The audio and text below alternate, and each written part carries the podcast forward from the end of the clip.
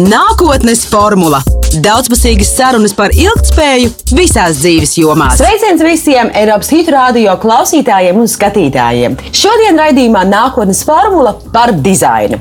Tāpēc studijā esmu aicinājusi Ienu Solovjovu, pakalpojumu dizaineru, lektoru un publicisti. Sveika! Labrīt!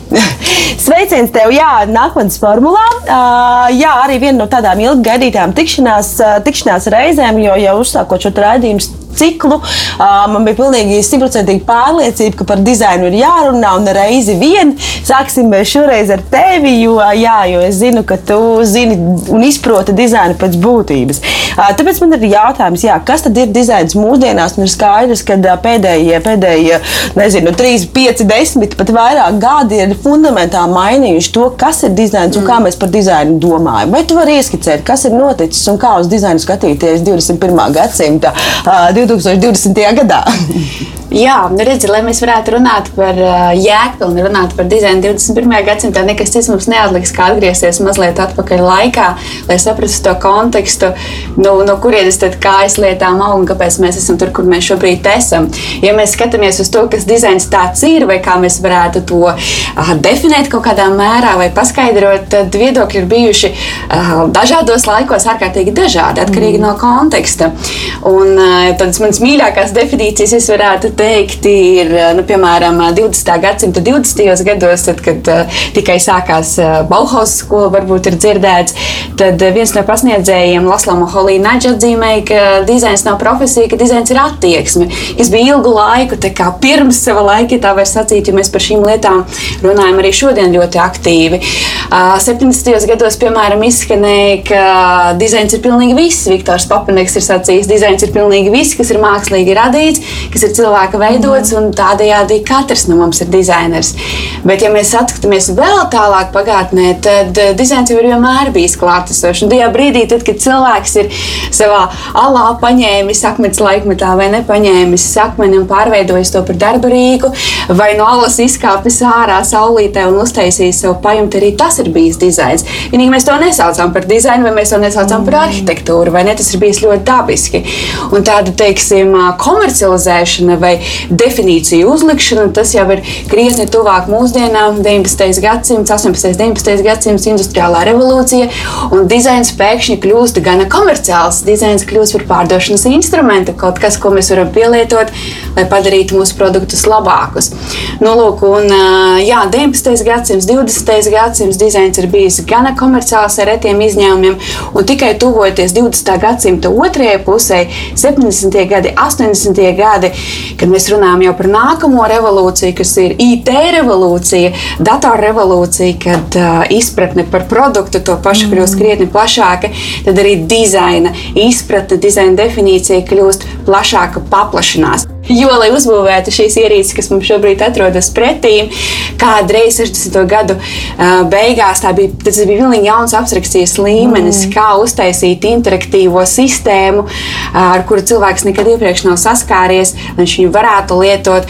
Tur tas dizains kļūst starpdisciplinārāks. Tur nāk gan antropologa kompetences iekšā, gan psihologa kompetences iekšā, vēl ciešāka sadarbība ar, ar inženieriem pakāpeniski kopš 70. gadiem. Nu, tad mēs esam nonākuši nonākuši līdz tam, ka dizains 21. gadsimtā ir kļuvis par, par ļoti daudz ko, par strateģisku instrumentu, lai attiecīgi pasauli, kas ir mums visriņķī apkārt, padarītu par jēgpilnāku, par labāku, par lietotāju mērtāku vietu, kur būt. Un tad viena no definīcijām, ko, ko mēs tagad mēģinām pieturēties, ka dizains būtībā ir tāda radoša darbību, konvertācija, pārveidu, funkcionālās, inovatīvās, rentablās galu galā, ja mēs runājam joprojām par uzņēmumu, iecerēs, idejās, kas viennozīmīgi vienmēr ir lietotāju mērķis un saprotamas.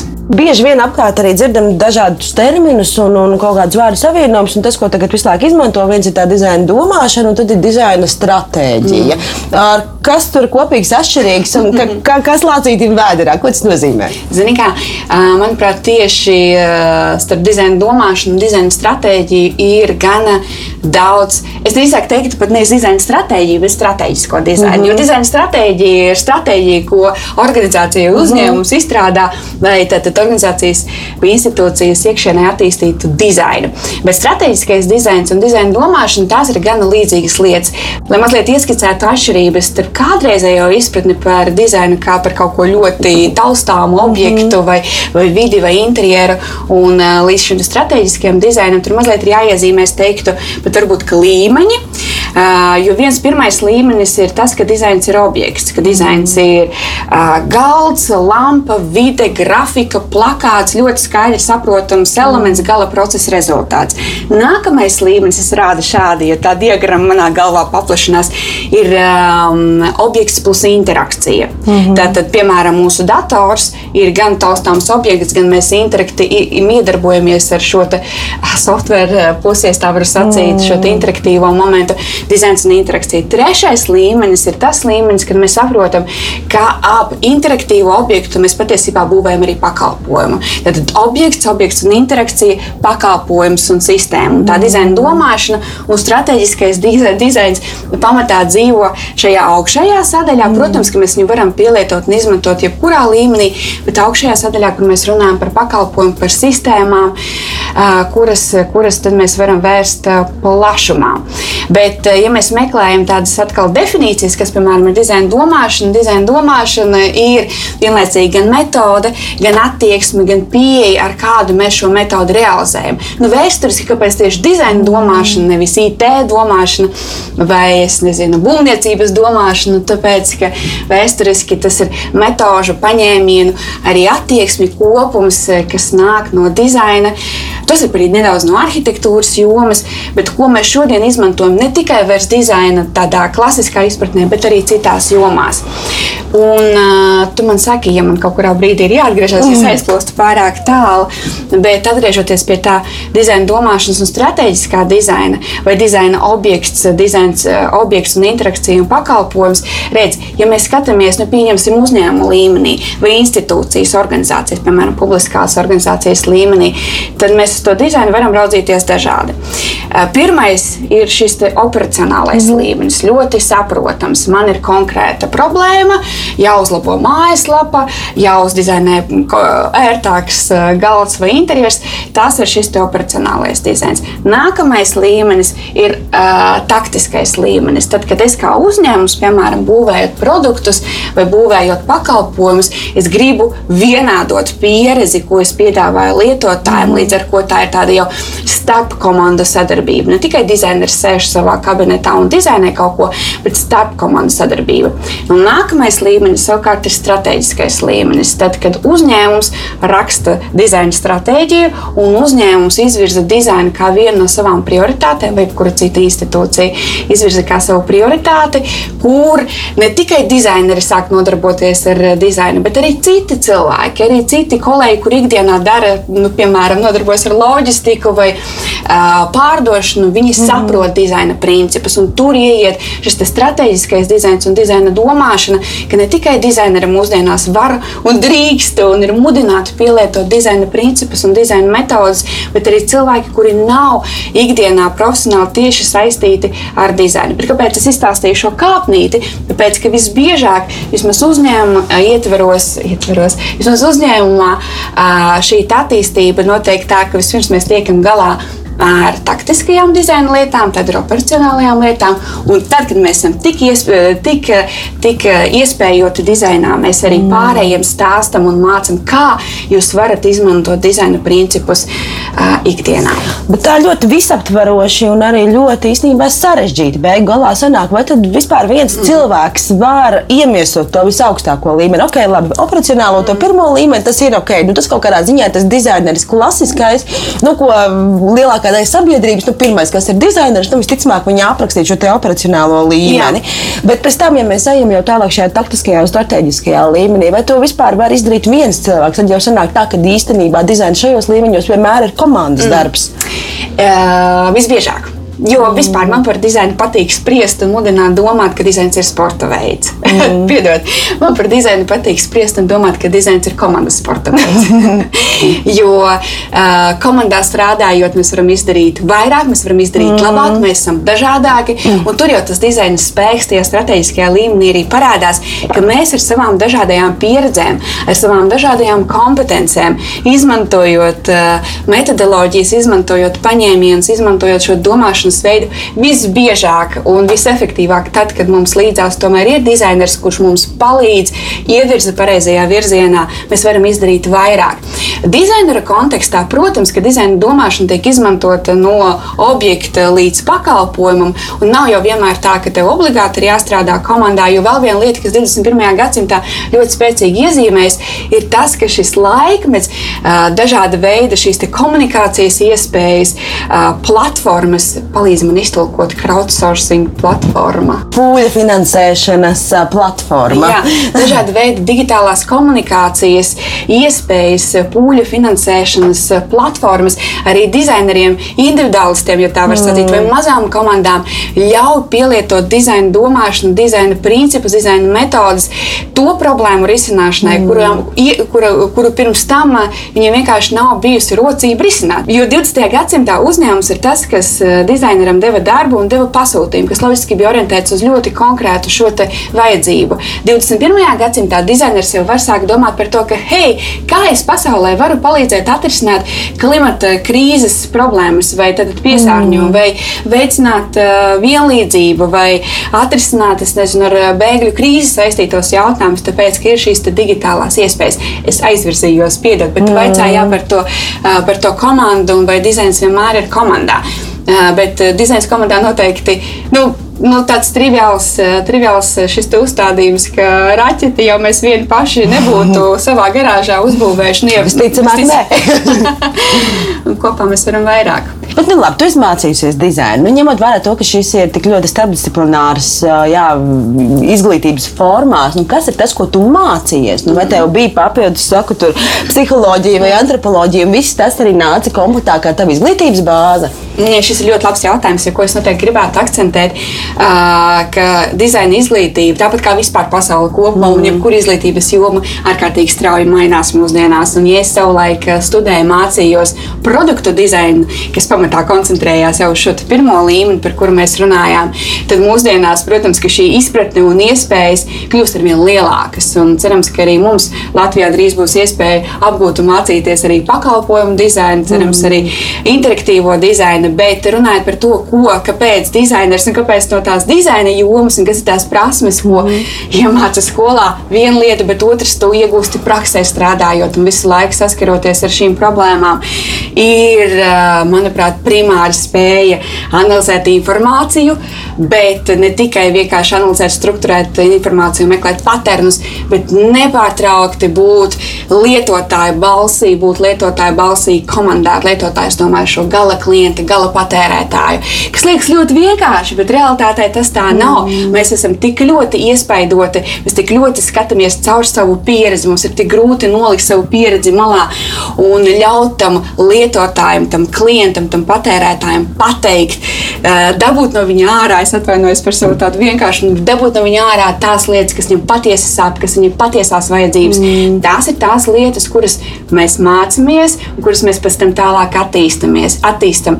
Jo nu jā, tā tad gan šī izpētes veikšana, komunikācija, kvalitatīvās metodas, uz kurām izpētes kvalitatīvās metodas, uz kurām ir liels akcents mm -hmm. dizaina procesā, tad tālāk ir informācijas apstrāde, struktūrēšana, vizualizēšana ar ko dizains atšķirās no varbūt līdzīgām jomām.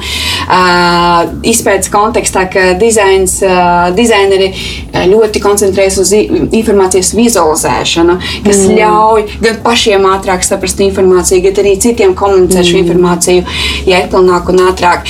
Tad tālāk ir šī, tas, šis mikslis starp uh, radošo domāšanu, ko mēs iegūstam gan skolā, gan attīstam tālāk, un analītisko pieeju, kas dizainā var būt uh, dizaina izglītība izglītībā ir, um, nu, nevar teikt, relatīvi jauni, jo dizaina jomas ir nu, gan atšķirīgas. Teiksim, ir tehniskākas jomas, ir mākslinieckākas jomas, un tā ir arī šodien. Bet ir skaidrs, ka nu, mā, māksla vairs, respektīvi, dizains jau sen vairs nav māksla, vai ne? Tā, šis mikslis starp radošo un analītisko un, un, un vispār pieeja kopumā izpratni mm. gan par metodēm, gan par attieksmi, uz lietotāju orientētu attieksmi, vēlmu maksimāli ātri pārbaudīt idejas, prototipēt idejas, testēt ar lietotājiem.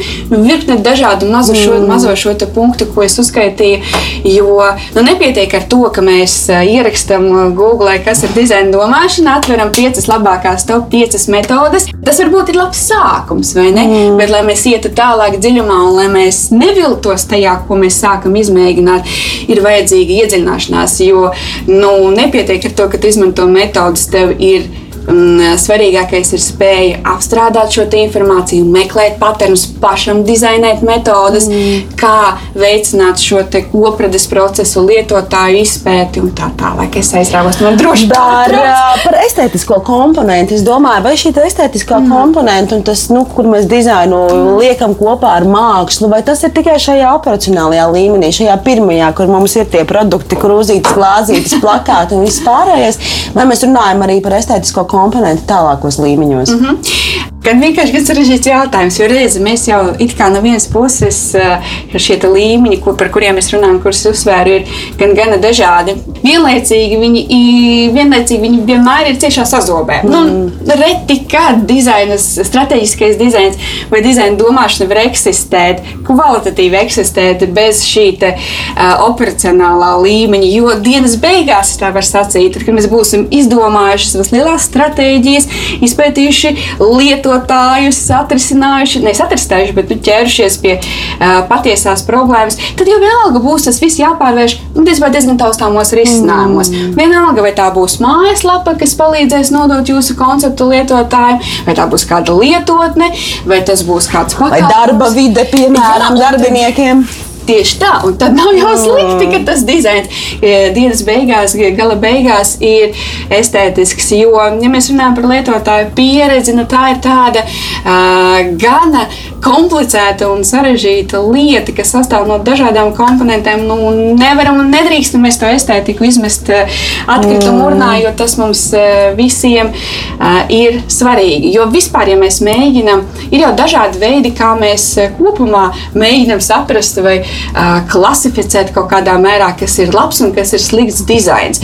Un estētika, man liekas, ir tāda. Uh, svarīga komponente, bet vienlaicīgi es varu minēt arī virkni dažādu piemēru, kas strādā super labi un ko mēs ikdienā izmantojam, kur tā estētika. Nu, sekundāra, teiksim tā. Nu, piemēram, tāds klišejisks piemērs eh, Google logotips, mm. kurš tagad eh, šodien izskatās mazliet, nevis mazliet, bet krietni labāk nekā izskatījās, piemēram, pirms desmit gadiem, vai vēl pirms tam, kad, kad sajūta bija tāda, ka Google logotips izskatās kā no, ziniet, kādreiz bija tas WordArt mhm, iespējas mm -hmm. sakomplektēt uh, skaistus uzrakstus. Ja? Es nevaru to nosaukt par estētisku dizainu, bet tas ir ģeniāls dizains, jo mums viss, jo tas jau nav tikai logotips, tas mm. ir veids, kā mēs saprotam, kā mēs meklējam meklējam informāciju, mm. un viņš tur iekļauj ļoti daudz un dažādas lietas. Bet, uh, Jā, izplūda. Kas, kas ir šajās metodēs tik īpašs? Nu, kāpēc tā ir kaut kādā ziņā tāda, nu, varbūt salīdzinoši nesen atrasta zelta atslēdziņa, kas tagad riņķī apkārt mums cirkulē iekšējā, ārējā vidē, saku, visdažādākajās struktūrās, organizācijās, valsts pārvaldē un tā tālāk. Tu patiešām pašlaik dizaina domāšana un, un, un strateģiskais dizains ir, ir klātesošs ļoti, ļoti daudz kur. Tad kas, šajās, kas šīs metodas atšķir no tā visa, ko, ko un kā mēs darījām? Bijām pirms tam?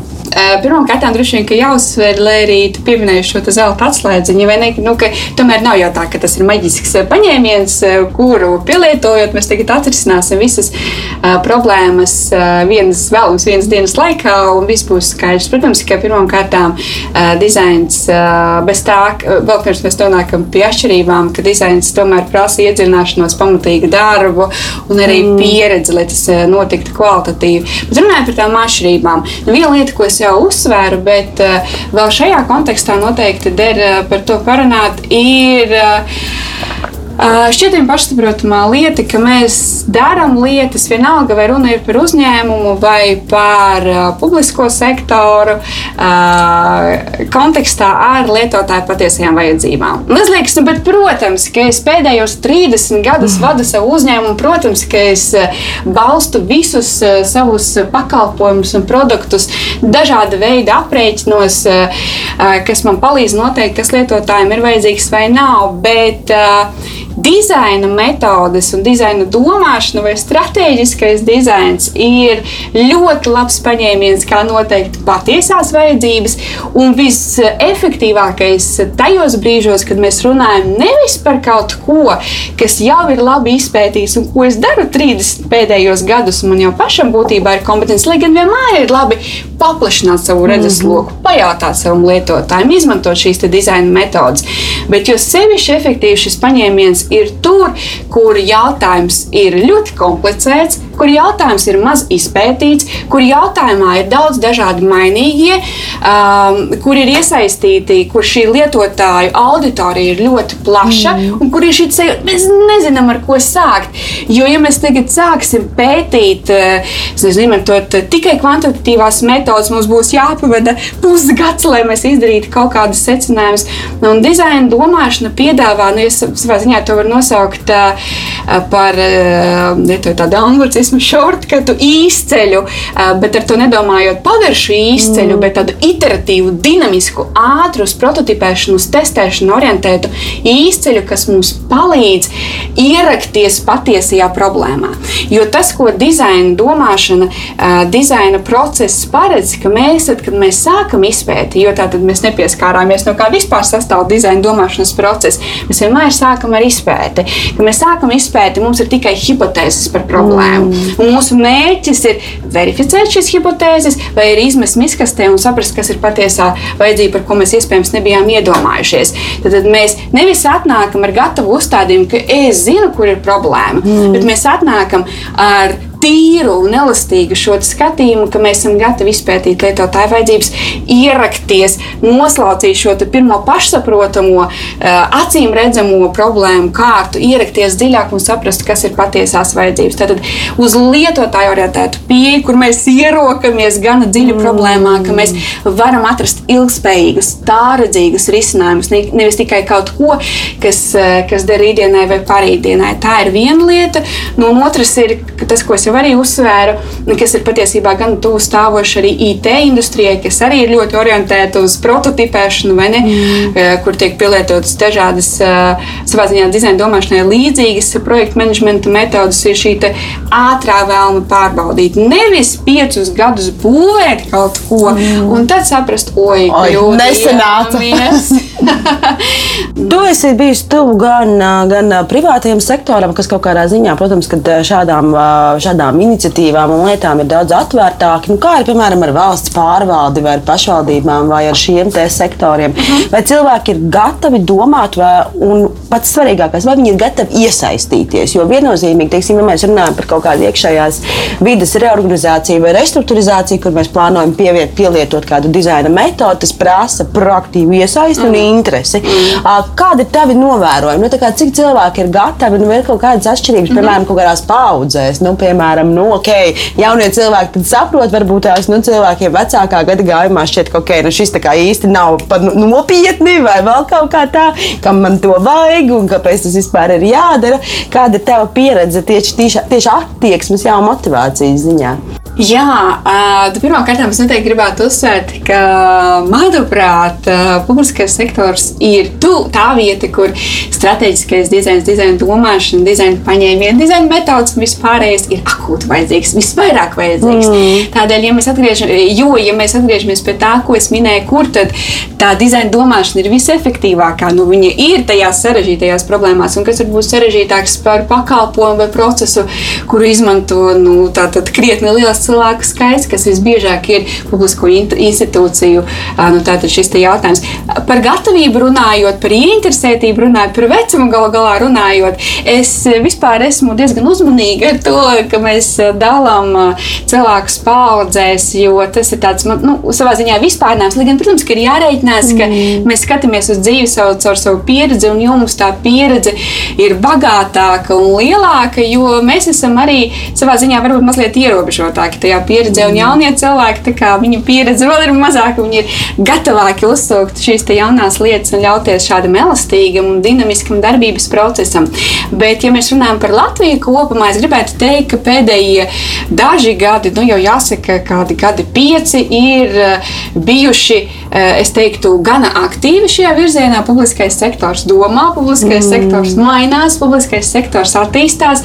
Tostarp arī tāpēc, ka, protams, ka jaunie cilvēki tad, tad nāk ar savu iniciatīvu, bet tiem jauniem cilvēkiem redzam, arī ir vajadzīgs atbalsts. Mm. Visticamāk, ka viņu vadītājs būs pieredzes bagātāks cilvēks. Bet, jā, ir, ir, ja runājam par tādām konkrētām iniciatīvām, tad publiskais sektors gan mēģina apmācīt darbiniekus, dažādu, vē, dažādu līmeņu darbiniekus, bet viena nianse runājot, atgriežoties pie šīs dizaina domāšanas un dizaina darīšanas, un par ko es vienmēr esmu iestājusies un vienmēr iestāšos, ka šī virzība sākt ar dizaina domāšanu, iemācīties dizaina domāšanu un pielietot viņu praktiski bez šī operacionālā atbalsta, ir ārkārtīgi sarežģīta. Jo mm. tu vari, būdams lielisks eksperts savā jomā, iemācīties šīs pamatprasmes, tad mēģināt tās izmantot ļoti ātri vilties, jo tev nav visticamāk bijusi nu, pietiekama pieredze vai pietiekama zināšanas.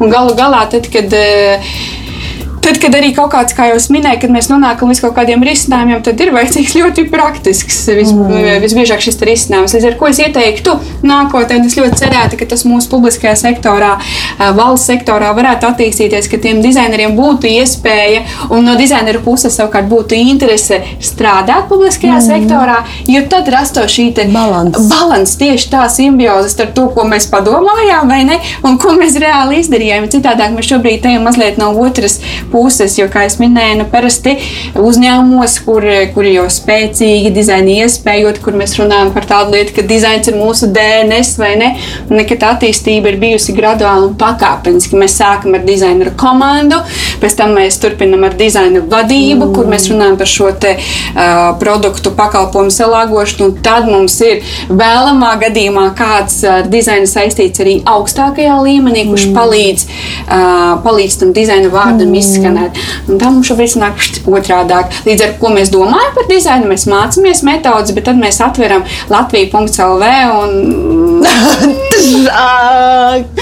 Kur man likties, ko man darīt? Tur ir tā dizaina darīšana, tas, operacionāla, tas operacionālais dizains, kur mēs joprojām iepērkam pakalpojumu, mm. kur joprojām tas ir tāds. Uh, Ah. Labi, šis konkrētais risinājums izstāsta tā, ka viņš būtu vienkārši 15, 20 gadus vecs. Nu, aptuveni, tas ir tas pirmais iespējas, ka tu vienkārši esi ļoti, ļoti, ļoti vecā vietnē. jo, nu, redziet, jo it kā no vienas puses ļoti taktisks risinājums, bet te pašā laikā ļoti sarežģīta problēma. Mm. Bet tā ir vietne, tā ir platforma, kas iemieso, kas apvieno vienu vietu ļoti daudz uh, pakalpojumus dažādus. Viņiem visiem ir jābūt sabalansētam, sabalansētiem ar līdzīgu lietotāju pieredzi. Tas ir ārkārtīgi sarežģīti sarežģīts uzdevums. Mm. Bet uh, tur vajag šo te, jā, taktisko un operacionālo līmeni. Jā, es pilnībā piekrītu par to, ka tā paudžu lieta ir kaut kādā ziņā nekorekta. Bet kā, nu, tas, ko es esmu pamanījis arī kaut kādās darbnīcās un workshopos, ir neliela atšķirība tajā, ka dizaina metodoloģijas praksē, nu, tīpaši tad, ja teiksim, ir kāds workshops, tā bieži vien ir tāda nopietnā spēlēšanās. Mm. Nu, tu it kā īstenībā forši pavadi laiku, tas pat ir kaut kādā ziņā jautri, interesanti, radoši un tam līdzīgi. Un tad kaut kādā ziņā, jā, es esmu pamanījis to, ka varbūt jaunākiem cilvēkiem ir vieglāk noticēt tam, ka īstenībā tas ir baigi nopietni. Un kaut kādā ziņā varbūt tās vecākā paudze skatās, nu, ok, labi, padaudzījāmies, paspēlējāmies, baigi mm. forši, bet nu, kā, ok, nu, šis nav nopietni. Nu, man liekas, tas ir kaut kādā ziņā varbūt tāds nepareizs priekšstats, ko tu vari gūt, jo bieži vien šīs metodas praktiski patiešām ir foršas. Nu, tā, tas ir foršs piedzīvojums gan tev pašam, jā. gan komandai. Tas, tas, tas vairāk tajā paudžu kontekstā. Uh, jā, protams, gadsimta jautājums, vai dizains izglābs pasauli? Protams, ka dizains izlēs pasauli. Nu, ko gan es citu varu apgalvot? Tāpat kā jebkurš, man liekas, cits eh, noteikti arodu pārstāvis vienmēr ir pilnīgi droši, ka tieši šī joma ir pats svarīgākā, atbalstāmākā un eh, tieši no tā būs atkarīgs, kā mēs tālāk dzīvosim. Bet uh, es tiešām ticu dizainam. Tā nav tikai tāda savas profesijas vai savas nozares slavināšana. Es ticu tādā ziņā, jo tas nu, arī atskatoties pēdējo 5-10 gadu griezumā, dizains ir pierādījis gan uzņēmumu atkal, gan publiskā sektora kontekstā, gan arī šo te, uh, dizaineru pašu iniciatīvu kontekstā, ka daudzas ārkārtīgi svarīgas un vērtīgas lietas var tikt risinātas. Sarežģītās, tieši šīs sarežģītās problēmas, kas visriņķī apkārt ir daudz un dažādas, no jau pieminētās uh, klimata krīzes un klimata pārmaiņām, piesārņojumu, beidzot ar nevienlīdzību. Jo, ah, un no vienas puses, dizains var izglābt pasauli, ja mēs rīkojamies ja dizaineri rīkojās atbildīgi, ja tie cilvēki, kas pieņem lēmumu, tic dizaineriem un ļauj tātad attiecīgi īstenot šo dizaina, kas vienmēr, kā es minēju, balstīt lietotāju vajadzībās misiju, bet dizains var arī sagraut pasauli, es atvainojos, ja, uh, ja tas, kā tā, ja, kā, ja, tas, ja tas veids, kādā tas tiek veidots, organizēts vai projektēts, ir bezatbildīgs. Runājot par sliktiem piemēriem, pirms mēs nonākam pie labajiem, nu, mēs visi esam labi pazīstami un bijuši satraukti piemēram par sociālo tīklu ietekmi gan uz mūsu veselību, gan uz mūsu datu drošību, kas, kas vienkārši parāda to, ka 21. gadsimtā tieši pateicoties šīm tehnoloģiju milzīgajām iespējām parādās arī milzīgi daudz dažādu dažādas problēmas un izaicinājumi. Un, ja šie, šīs lietas netiek dizainētas atbildīgi, ja dizaineriem nav iespēja noteikt vai pateikt, ka es atvainojos, bet nav iespēja pateikt, ka mūsu lietotāju dati ir svarīgāka vērtība nekā tas, cik daudz mēs pārdosim mūsu mm. reklāmas, šo, cik liela būs mūsu reklāmas. Katrā ziņā mums ir jāatrod šis līdzsvars starp reklāmas ieņēmumiem, tad var sanākt lielas ziepes. Tāpēc dizains ir ārkārtīgi ārkārtīgi svarīgs. Varbūt, mm. nu, jā, abstrahējoties no tādām klišajām, izglābt vai neizglābt, bet ir skaidrs, ka uh, dizaina nozīme ir kļuvusi ļoti, ļoti, ļoti svarīga, ļoti uh, jā, izteikta. Bet par tādām, teiksim, pozitīvām lietām, nu, ja mēs runājam par ilgspēju gala galā, mm. tad, uh, tad uh, tādi pozitīvie piemēri, kā kā dizaineri var parādīt, ilustrēt savu iniciatīvu. Nu, kaut vai, piemēram, Ocean Cleanup projekts, kas, es domāju, ir viens no tādiem ambiciozākajiem, kas pēdējā laikā, kam gan ir dažādi, gan, gan aizstāvji, gan, gan skeptiķi, un, bet tas veids, ka dizaineris, kas šajā gadījumā ir Nīderlandiešu izcelsmes dizaineris, kurš ar crowdfunding platformu palīdzību uh, ir savācis, uh, ja nekļūdos, 30 miljonus miljonus tieši balstoties mm -hmm. uz šo publikas iniciatīvu ar mērķi tātad palīdzēt attīrīt okeānus. Es domāju, ka ir viens no piemēriem, kā tas dizains, ja nevar izglābt pasauli, var mēģināt izglābt mm. pasauli.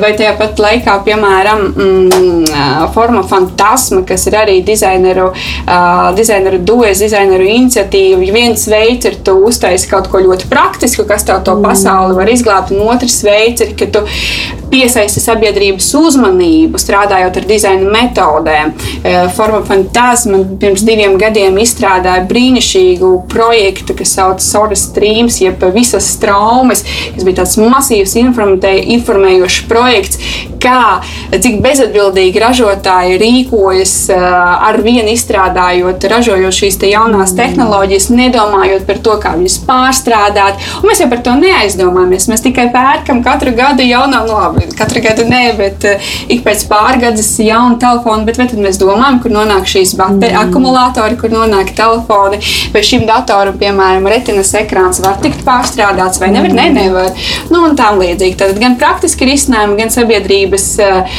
uzmanības pievēršana. Nu, un, protams, atgriežoties pie sporta, atgriežoties pie dizaina kā komandas sporta veida, tad, kad par dizainu, kad dizainu nopietni uztver lielas organizācijas. Mm un eh, kad viņu interese iziet ārā, respektīvi, kad viņu interese patiesi ir vērsta uz lietotāju patiesajām vajadzībām, tad arī viņu iespējas eh, nu, nodemonstrēt šīs dizaina iespējas ir krietni lielākas. Tas var būt vienkārši, gaužām vienkārši piemērs, kas ir kā ir objektu līmenī, bet pērngad IKEA uzņēmums, kas ir pazīstams masu ražošanas uzņēmums, kas strādā ar mēbelēm, izlaida sēriju, kas bija mazu objektu sēriju, kas bija īpaši paredzēta cilvēkiem ar īpašām vajadzībām. Mm -hmm. Tad, tad lietas, piemēram, tur rokturis, ko tu vari piestiprināt pie dušas aizskara, bet kas tev, ja tev ir kustība traucējumi, palīdz lietot lietot to pašu IKEA produkciju, kas ir mazs žests, bet tas mm. mazs žests ļoti daudziem cilvēkiem var daudz ko nozīmēt. Es jau aizgāju no tēmas. Jā, es domāju, ka ar tādām sarežģītajām tēmām, nu, teiksim, tā pati sabiedrības nevienlīdzība mm. vai mhm. nabadzība, nu, kas tā pa lielam ņemot, nu, tomēr ir tāds fundaments, fundaments bezgalīgi augošai problēmu mm. ķēdē, kas pēc tam materializējās ļoti, ļoti dažādās, dažādās jomās, aspektos un, un dzīves kvalitātē. Bet, nu, jā, tas ir kaut kas tāds, kas visā globusā ir jādara pilnīgi visiem, jo nu, skaidrs, ka visās valstīs tie izaicinājumi ir pietiekami lieli. Nu, piemēram, nu, kāda būtu tā dizaina pieeja? Nu, tāda tādu ieskicējot mm -hmm. tādos lielos, lielos soļos, nu, ok, labi, nabadzība Latvijā. Nu, ko tu darītu? Ja? Kāds būtu tas veids, kā dizainers sākt ar šo problēmu strādāt? Tāpat kā jebkura cita problēma. Nesabīstoties no tā, ka šī problēma ir tik liela, tu vispirms vienmēr sāc ar izpēti. Un tā dizaina specifika ir nemēģināt projektēt vai atrisināt to problēmu pilnīgi visiem. Attiecīgi, tu empatizē ar to lietotāju ne tikai tādā mērā, ka tu intervē un izmanto šīs kvalitatīvās metodas, bet tu strādā ar mērķa auditorijām, tu skaties uz dažādām šīm mērķa grupām un tu mēģini iedziļināties viņa vajadzībās. Bet, ja mēs runājam par tādām lielām, lielām, lielām problēmām, Uh, varbūt ne gluži par nabadzību, tur man nav tāds uh, konkrēts mm. piemērs, bet atgriežoties pie tām pašām tehnoloģijām un nevienlīdzību. Jo nevienlīdzība jau nav tikai par manu iespēju, tad, tad nevienlīdzība jau nav tikai par, uh, par manām finansiālajām iespējām. Nevienlīdzība ir ārkārtīgi dažāda un daudzveidīga. Nevienlīdzība var būt starp dzimumiem, nevienlīdzība var būt starp uh, cilvēkiem ar, ādas krā, ar dažādām ādas krāsām. Un uh, runājot par to dizaina klātbūtni un par dizaina iespējām, iespējām. Nereti un visbiežāk, visefektīvākais šis veids ir arī to starp preventīvi izmantot šīs dizaina metodes un aicināt dizainerus komandā, lai novērstu šīs problēmas, lai neradītu jaunas problēmas. Piemēram, šobrīd uh, ārkārtīgi straujā trieciena tempā attīstās mākslīgais intelekts un tehnoloģijas, kas ir saistītas ar mākslīgo intelektu.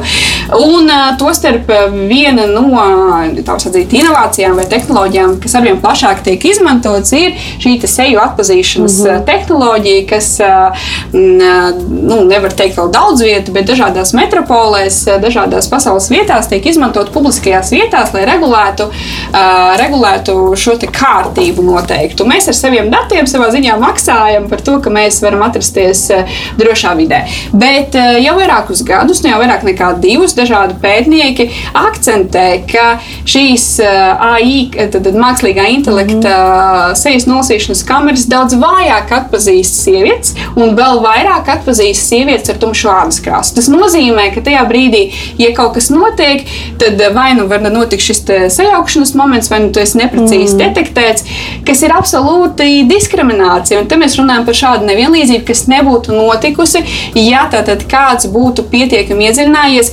lietotāja vajadzībās, cik dažāds ir šis lietotājs un šajā dizaina ētikā, jo, kā, ar ko es sāku, ka dizainera uzdevums vienmēr ir uh, runāt savu lietotāju balsī, nevis uh, nu, tad, uh, koncentrēties uz citiem jautājumiem vienkārši runājot par, par mākslīgo intelektu par to, cik uh, dizainera klātbūtne ir svarīga. Ne tikai dizainera, bet vispār ētikas moments un uz lietotāju orientētais moments un spēja izprast lietotāju patiesās vajadzības. Un runājot par tādām varbūt kļūmēm, vai tas, uh, cik ātri mēs saprotam, uh, cik lielā bedrē mēs uh, varam iebraukt. Uh, viens piemērs uh, Microsoft uh, 2016. gadā viņiem bija tas ļoti īss eksperiments, dažas dienu garš, ja nemaldos, man liekas, 46 dažs, bet es varu kļūdīties, dažu dienu garš eksperiments, kad viņi, viņi Twitter vietnē ievietoja savu mākslīgā intelekta chatbotu, kurš mācījās, mācījās balstoties uz to, ko, š, ko mēs Twitterī runājam. Mm. Uh, tur nebija nekāda kontrolas mehānisma, tur nebija nekāda interese par lietotāju, tur nebija nekāda nu, doma par to, kā tas varētu mm. uh, mums kaitēt vai uzlabot īsti mūsu dzīvi. Tas bija tāds uh, eksperiments. Un ļoti ātri šis chatbots taisvārdā pārvērtās par absolūtu rasistu, par absolūtu tad, tad, uh, nu, visu, visu, visu, ko mēs Visa veida fobu. Jā, tieši tā. Un tās bija tikai dažas stundas nekontrolētas, nekontrolētas, tehnoloģijas, kas vienkārši dara savu darbu. Bet, ja mēs to neievirzam pareizā mm. veidā, līdz ar to nu, jā, tad, tad, tad arī preventīvā ne tikai, hei, mums ir nabadzība, kā mēs to atrisināsim, bet kā mēs būvējot jaunas lietas, jaunas tehnoloģijas, kurām, kuru ietekme kļūst ar vien lielāka, kā mēs varam novērst to, ka kā, kā mēs tad varam novērst šo nevienlīdzību, vai kā mēs varam pasargāt mūsu lietotāju, viņa datus, viņa privātumu, viņa drošību un tā tālāk. Un kā minimums nevairot un nepadziļināt šo problēmu tieši būtības, tā, ir tas, tā. ko tiešām var izdarīt dizains. Protams, bet, protams, ka arī mm. strādāt ar esošajām problēmām, un tostarp arī nabadzību. Tur jau, nu, tad vienkārši, kā es mm. minēju, sākam ar izpēti rokam dziļāk, saprotam, kas ir mūsu lietotāji, kas ir ekstrēmās grupas, kuras ir visnabadzīgākās, kas ir grupas, kas nekad nav piedzīvojušas nabadzību, un kā mēs varam panākt uh, to, ka mēs, uh, kas ir patiesais iemesls, bez tā, ka mēs vienkārši zinām, ir mm. nabadzība, bet kas ir veicinājis to, ka mēs esam nevienlīdzīgi, kā mēs varam ātri mēģināt kaut ko uzlabot, prototipēt, testēt, ātri pārbaudīt un virzīties uz priekšu. Nevis, kā es minēju, izstrādāt piecgadus plānu un tad saprast, ka mūsu lietotājs. Mm, Kas ir ilgspējīgs dizains? Vai tam ir kaut kādi kriteriji, vai to vispār ir iespējams nodefinēt? Ilgspējīgs dizains viennozīmīgi ir ētisks dizains, jo redz, ilgspējība jau mēs varam raudzīties uz to ļoti dažādi. Nu, tas var būt krēsls, kurš kalpo 56 gadus, bet, eh, bet tā var būt arī ideja, kas, eh, kas nenoveco. Tas var būt arī um, tas var būt risinājums, kas nenoveco vai kaut kādā veidā turpina attīstīties.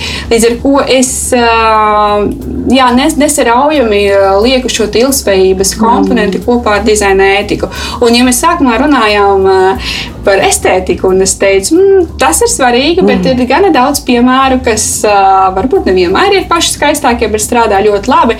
Tad es esmu tas uh, aroda pārstāvis, kurš saka, ka dizains nedrīkst būt neētisks. Nedrīkst būt neētisks. Mm -hmm. dizains nedrīkst būt neētisks, mm -hmm. un dizains tādā, tādā ziņā arī nedrīkst būt mm -hmm. neilgspējīgs. Ja tu kā dizainers neesi par to padomājis, tad tavs dizains ir slikts. Esmu tieši tik nejauka un tieši tik skarba. Man ir viena vienalga, cik ar šo dizainu tu vari nopelnīt. Man ir vienalga, cik labi viņš izskatās. Ja viņš nav ētisks, ilgspējīgs, eh, iekļaujošs, pāri nedarošs, tad man tas nav labs dizains. Un eh, tur mēs varam raudzīties ļoti, ļoti dažādi. Vai tu kā dizainers runājot piemēram par objektu, vai tu esi padomājis, eh, kur ierīce nonāks pēc tam, kad viņu kāds pārstās lietot, vai tu tikai uzdizainējis šo ierīci tikai lai veicinātu pārdošanas rādītājus. Šo es jau pieminēju, ja, ka mēs ļoti daudz izmantojam tehnoloģijas un ka lielākā daļa patiesībā sakot, rietumu valstīs izmantoto tehnoloģiju nepārstrādātā veidā nonāk Āfrikas tad, tad kontinentā dažādu mērogu milzīgās izgāstuvēs. Neviens īsti nedomā par to, kā to risināt. Um, beidzot, ar to, vai tu esi padomājis, kā piemēram tavs pakalpojums vai tavs digitālais risinājums, kā viņš mainīs mainīsies galu galā laikam līdzi, nedarot pāri uh, savam lietotājam. Jūs visu laiku akcentējat to nedarīšanu pāri, jo mēs mm. bieži esam tik pavirši, man liekas, un mums liekas, kas tad tur tāds uzdizainēt Facebook vai Instagram. Tā jau taču tāda izklaide. Bet tas ir arī pieredums, tas ir arī, manuprāt, kaut kādas tādas industriālās pasaules domāšanas sekas un tas milzīgais nospiedums, nu tā vide, tā infrastruktūra, kurā mēs dzīvojam, es nezinu, elementāri kaut vai tās pašas slimnīcas vai skolas, kuras mēs apmeklējam, mēs esam tik ļoti pieraduši pie tā, ka viņas īstenībā nav lietotājiem draudzīgas, ka mēs pat vairs neanalizējam šo jautājumu un vienkārši ar to tiekam galā. Ja? Tā, tā ir kaut kādā ziņā tāda fundamentāla problēma, ko mēs pat nemēģinām mm. risināt, neaizdomājoties, cik patiesībā, piemēram, tā pati slimnīca ir nērta, nepieejama, estētiski absolūti nebaudāma, ja psiholoģiski nospiedoša un tā tālāk un tā joprojām. Bet redz, šis ir kontekstā ar to, ko mēs sākumā arī minējām, nu, ka paskaidrot to dizainu. Uh, tik ilgi, kamēr runa ir par krēslu un lampu, ir ļoti vienkārši. Mm. Bet tad, kad runā par pakalpojumu, par, uh, par digitālu pakalpojumu vai par klātienes kaut kādu pakalpojumu, ir daudz sarežģītāk cilvēkam izstāstīt, kāda īsa dizainera loma tur ir. Un tas savukārt jau ir dizainera uzdevums komunicēt par to, ko viņi dara, mm. skaidrot, komunicēt, strādāt ar sabiedrību. Neviens cits to jūsu vietā mm. nedarīs, jo kā mēs varam, uh, respektīvi, Eh, kas tad veicina to pieprasījumu? Veicina pieprasījumu tas, ka tavs lietotājs klients tos arī var pateikt, ka esmu neapmierināts, ka man ir tiesības uz labu dizainu, man ir tiesības mm. uz labu dizainu ne tikai manās mājās, bet arī publiskajā vidē. Bet mēs eh, esam tik aktīvi diskusijās par to, kāda ir pašvaldību logotipi, piemēram, es ar, ar, ar lielu entuziasmu sekoju līdzi, jo mums visiem ir viedoklis, kādā krāsā ir jābūt, kādu simbolu, bet, bet, bet tajā pat laikā, tad, kad mēs ieejam EDS sistēmā, kas par laimi gan ir attīstījusies pēdējo gadu laikā. Vai tajā brīdī mums, eh, vai mēs sakam, piesaucam dizainu, nu, tad taču dizainers klāt nav stāvējis, un man ir tiesības uz to, ka es savu nodokļu mm. deklarāciju varu izpildīt uh, ērti. Jā, tad, tad ir jāskaidro, ir jāstāsta, ir jārunā, mm. jo mums visiem ir tiesības uz labu dizainu, jo sevišķi publiskajā vidē, publiskajā sektorā, par kuru galu galā mēs arī maksājam ar saviem nodokļiem. Vai gadījumā nav tā, ka dizains palīdz bieži vien savienot nesavienojamas lietas, jo man liekas, šajā starpdisciplinaritātē mm. satiekās tik daudz teorijas, zināšanas, pieredze, prakse un tā tālāk, ka tas dizains un tā pieeja palīdz savilkt kopā to, kas organiski varbūt iespējams nekad nav saticies. Taisnība, taisnība viennozīmīga, jo, nu, atgriežoties pie komandas sporta veida, tā patiesā jauda un spēja mm. radīt uh, risinājumus vai, teiksim, uh, abstrahēties no savām tādām uh, pieredzes, uh, pieredz, um, spēja abstrahēties no saviem pieņēmumiem, iestājas tajā brīdī, kad mēs esam dažādi. Un jo dažādāk mēs būsim, jo lielāka būs šī jauda. Bet uh, vēl atgriežoties pie līmlapiņām un pie darbnīcām un pie šīm diviem duālajām sajūtām, nu, dizainera uzdevums. Jā, dizainera uzdevums atšķirībā no teiksim, 20. gadsimta lomas, kad dizainers bija lielākoties solo mākslinieks vai solo mākslinieks lielā uzņēmumā, kurš tagad nosaka to vīziju. Dizainera loma ir mainījusies. Nepietiek ar to, ka tu esi solo mm. mākslinieks. Tev pirmkārt ir jāprot strādāt komandā, un tev ir jāprot moderēt, facilitēt šo mm. koprades procesu, koprades procesu gan ar tavu komandu, gan ar lietotājiem. Jo efektīvākais variants jau būs, ka tu spēsi iesaistīt arī lietotāju lietotāju šajā procesā. Jo tajā brīdī, tad, kad visi ir pie viena galda, viņi ir spējuši sniegt savu kompetenci, savas zināšanas šī risinājuma izstrādē. Viņiem arī pašiem ir labāka sajūta, ka viņi ir sēdējuši pie tā galda un, un šo risinājumu izstrādājuši.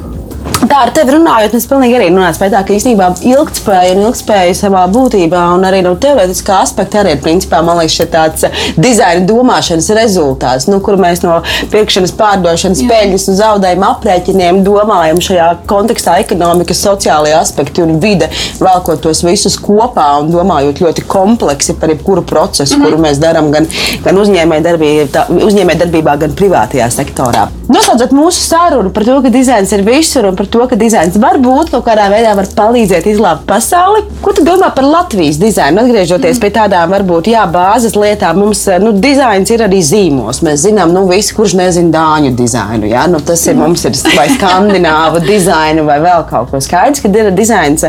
Dizains ir eksporta prece, dizains ir zīmos, dizains ir arī kā strateģiskās komunikācijas rīks daudzām valstīm. Kā tu vērtē to, kas notiek Latvijā, vai mēs caur dizaina prizmu varam sevi parādīt pasaulē, vai mums ir, kā saka, potenciāls un, un pašreiz kādi spēlētāji, kas šo vārdu nes uz priekšu. Mm. Reizi, es uzreiz komentēšu skandināvus un dāņus, kurus es ļoti mīlu, viņu dizainu, sludinu un par viņu vēsturi ļoti daudz uh, izsakos.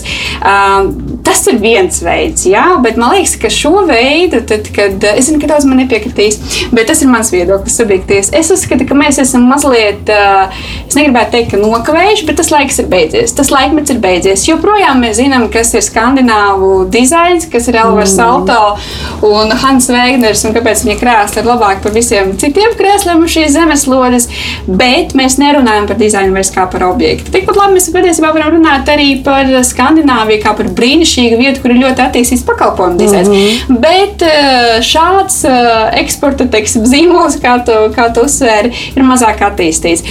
Redz, man liekas, 21. gadsimtā, tad, kad mēs esam iegājuši un sapratuši eh, šajā dizaina jaunajā izpausmē, ka dizains ir starpdisciplinārs, ka dizains ir komandas sporta veids, es it's uh, domāju, ka. Un tāpēc, ka mēs esam kļuvuši tik ārkārtīgi globāli, kur ir gan savi pusi, gan arī savi mīnusi. Jo noteikti daudz teiks, ka tieši jau ļoti labi, jo tā lokālā lieta, ar ko mēs atšķiramies, ir viens no veidiem, kā sevi pārdot. Bet es esmu tāds izteikts globālis, kurš uzskata, ka jā, raķeti ir jābūvē kopā. Un man ir fascinēti tas, ka mēs varam sadarboties, ka mēs varam īpaši šobrīd, eh, kā ir parādījis pandēmijas laiks, mēs varam atrasties Latvijas eh, kādā reģionā, strādāt kopā ar eh, kādu otru pusi okeānā, mm. būvēt brīnišķīgu produktu, kurš ne obligāti ir krāslas, interjers vai, vai izstāde, bet, bet, piemēram, digitāls produkts vai pakalpojums. Un šī lieta mani fascinē vairāk. Un es teiktu, ka jā, ir beidzies tas laiks, kad mēs varam koncentrēties uz krēsliem un apģērba zīmoliem. Mums jādomā mazliet plašāk. Un, ja Latvija grib būt top kaut kādā lietā, tad ir jāattīsta jaunās dizaina jomas, ir jāstrādā pakalpojumu dizaina virzienā, ir jāstrādā digitālā dizaina virzienā. Protams, ka neaizmirstot par to, kas mums jau ir un turpināt to attīstīt, bet tās ir tās lietas, kur mēs varam parādīt sevi. Mēs, piemēram, tikko brīnišķīgi nodemonstrējām pasaulē, ka mēs varam ļoti ātri, ļoti veikli uzdizainēt un uh, palaist, uh, uzdizainēt un, uh, un realizēt lietotāju, kas mūs pasargā no Covid super, mēs esam līderi, mēs esam čempioni pasaulē. Tas arī ir dizains. Tas vienkārši nav skandināvu krēsls, ir kaut kas pilnīgi cits. Un tā ir jauna niša, kurā mēs varētu, es domāju, ka veiksmīgi attīstīt uh, savas takas, jo nu, kaut vai tā pati IT industrija Latvijā ir ārkārtīgi attīstīta. Vienkārši dizainam ir jāturpina attīstīties. Um, jā, tāpēc es esmu skeptiska pret skatīšanos pagātnē, lai piedod man vispārējie, bet, uh, bet es esmu par skatu nākotnē un es ceru, ka Latvija savu ja tas vispār vēl ir nepieciešams atrast savu to vārdu un būt atšķirīgai no Igaunijas, man liekas, mm. drīzāk mums ir jāsadarbojas. Un, jo kāda man atšķirība no kurienes nāk, piemēram, Facebook izstrādātāji no visas pasaules, bet es šo produktu izmantoju katru dienu. Tas, man liekas, ir tas, kas mūsdienās strādā. Nevis pateikt, ka es esmu no tas viensētu princips Mm, tā pasaule strādā. Mm. Paldies par šo interesantu sarunu. Uh, jā, studijā bija Jeļena Salovjova, pakalpojumu dizainere, lektore un publiciste. Un šodien raidījumā nākotnes formula viss par un ap dizainu. Bet uh, noteikti tēma vēl nav izsvelta. Un gan jau, ka mēs kaut kādā kontekstā vēl ar citiem ekspertiem noteikti pie šī vēl atgriezīsimies. Paldies tev liels par sarunu! Paldies tev liels! Bija prieks! Raidījums tapis sadarbībā ar Nacionālo elektronisko plašsaziņas līdzekļu padomi sabiedriskā pasūtījuma ietvaros.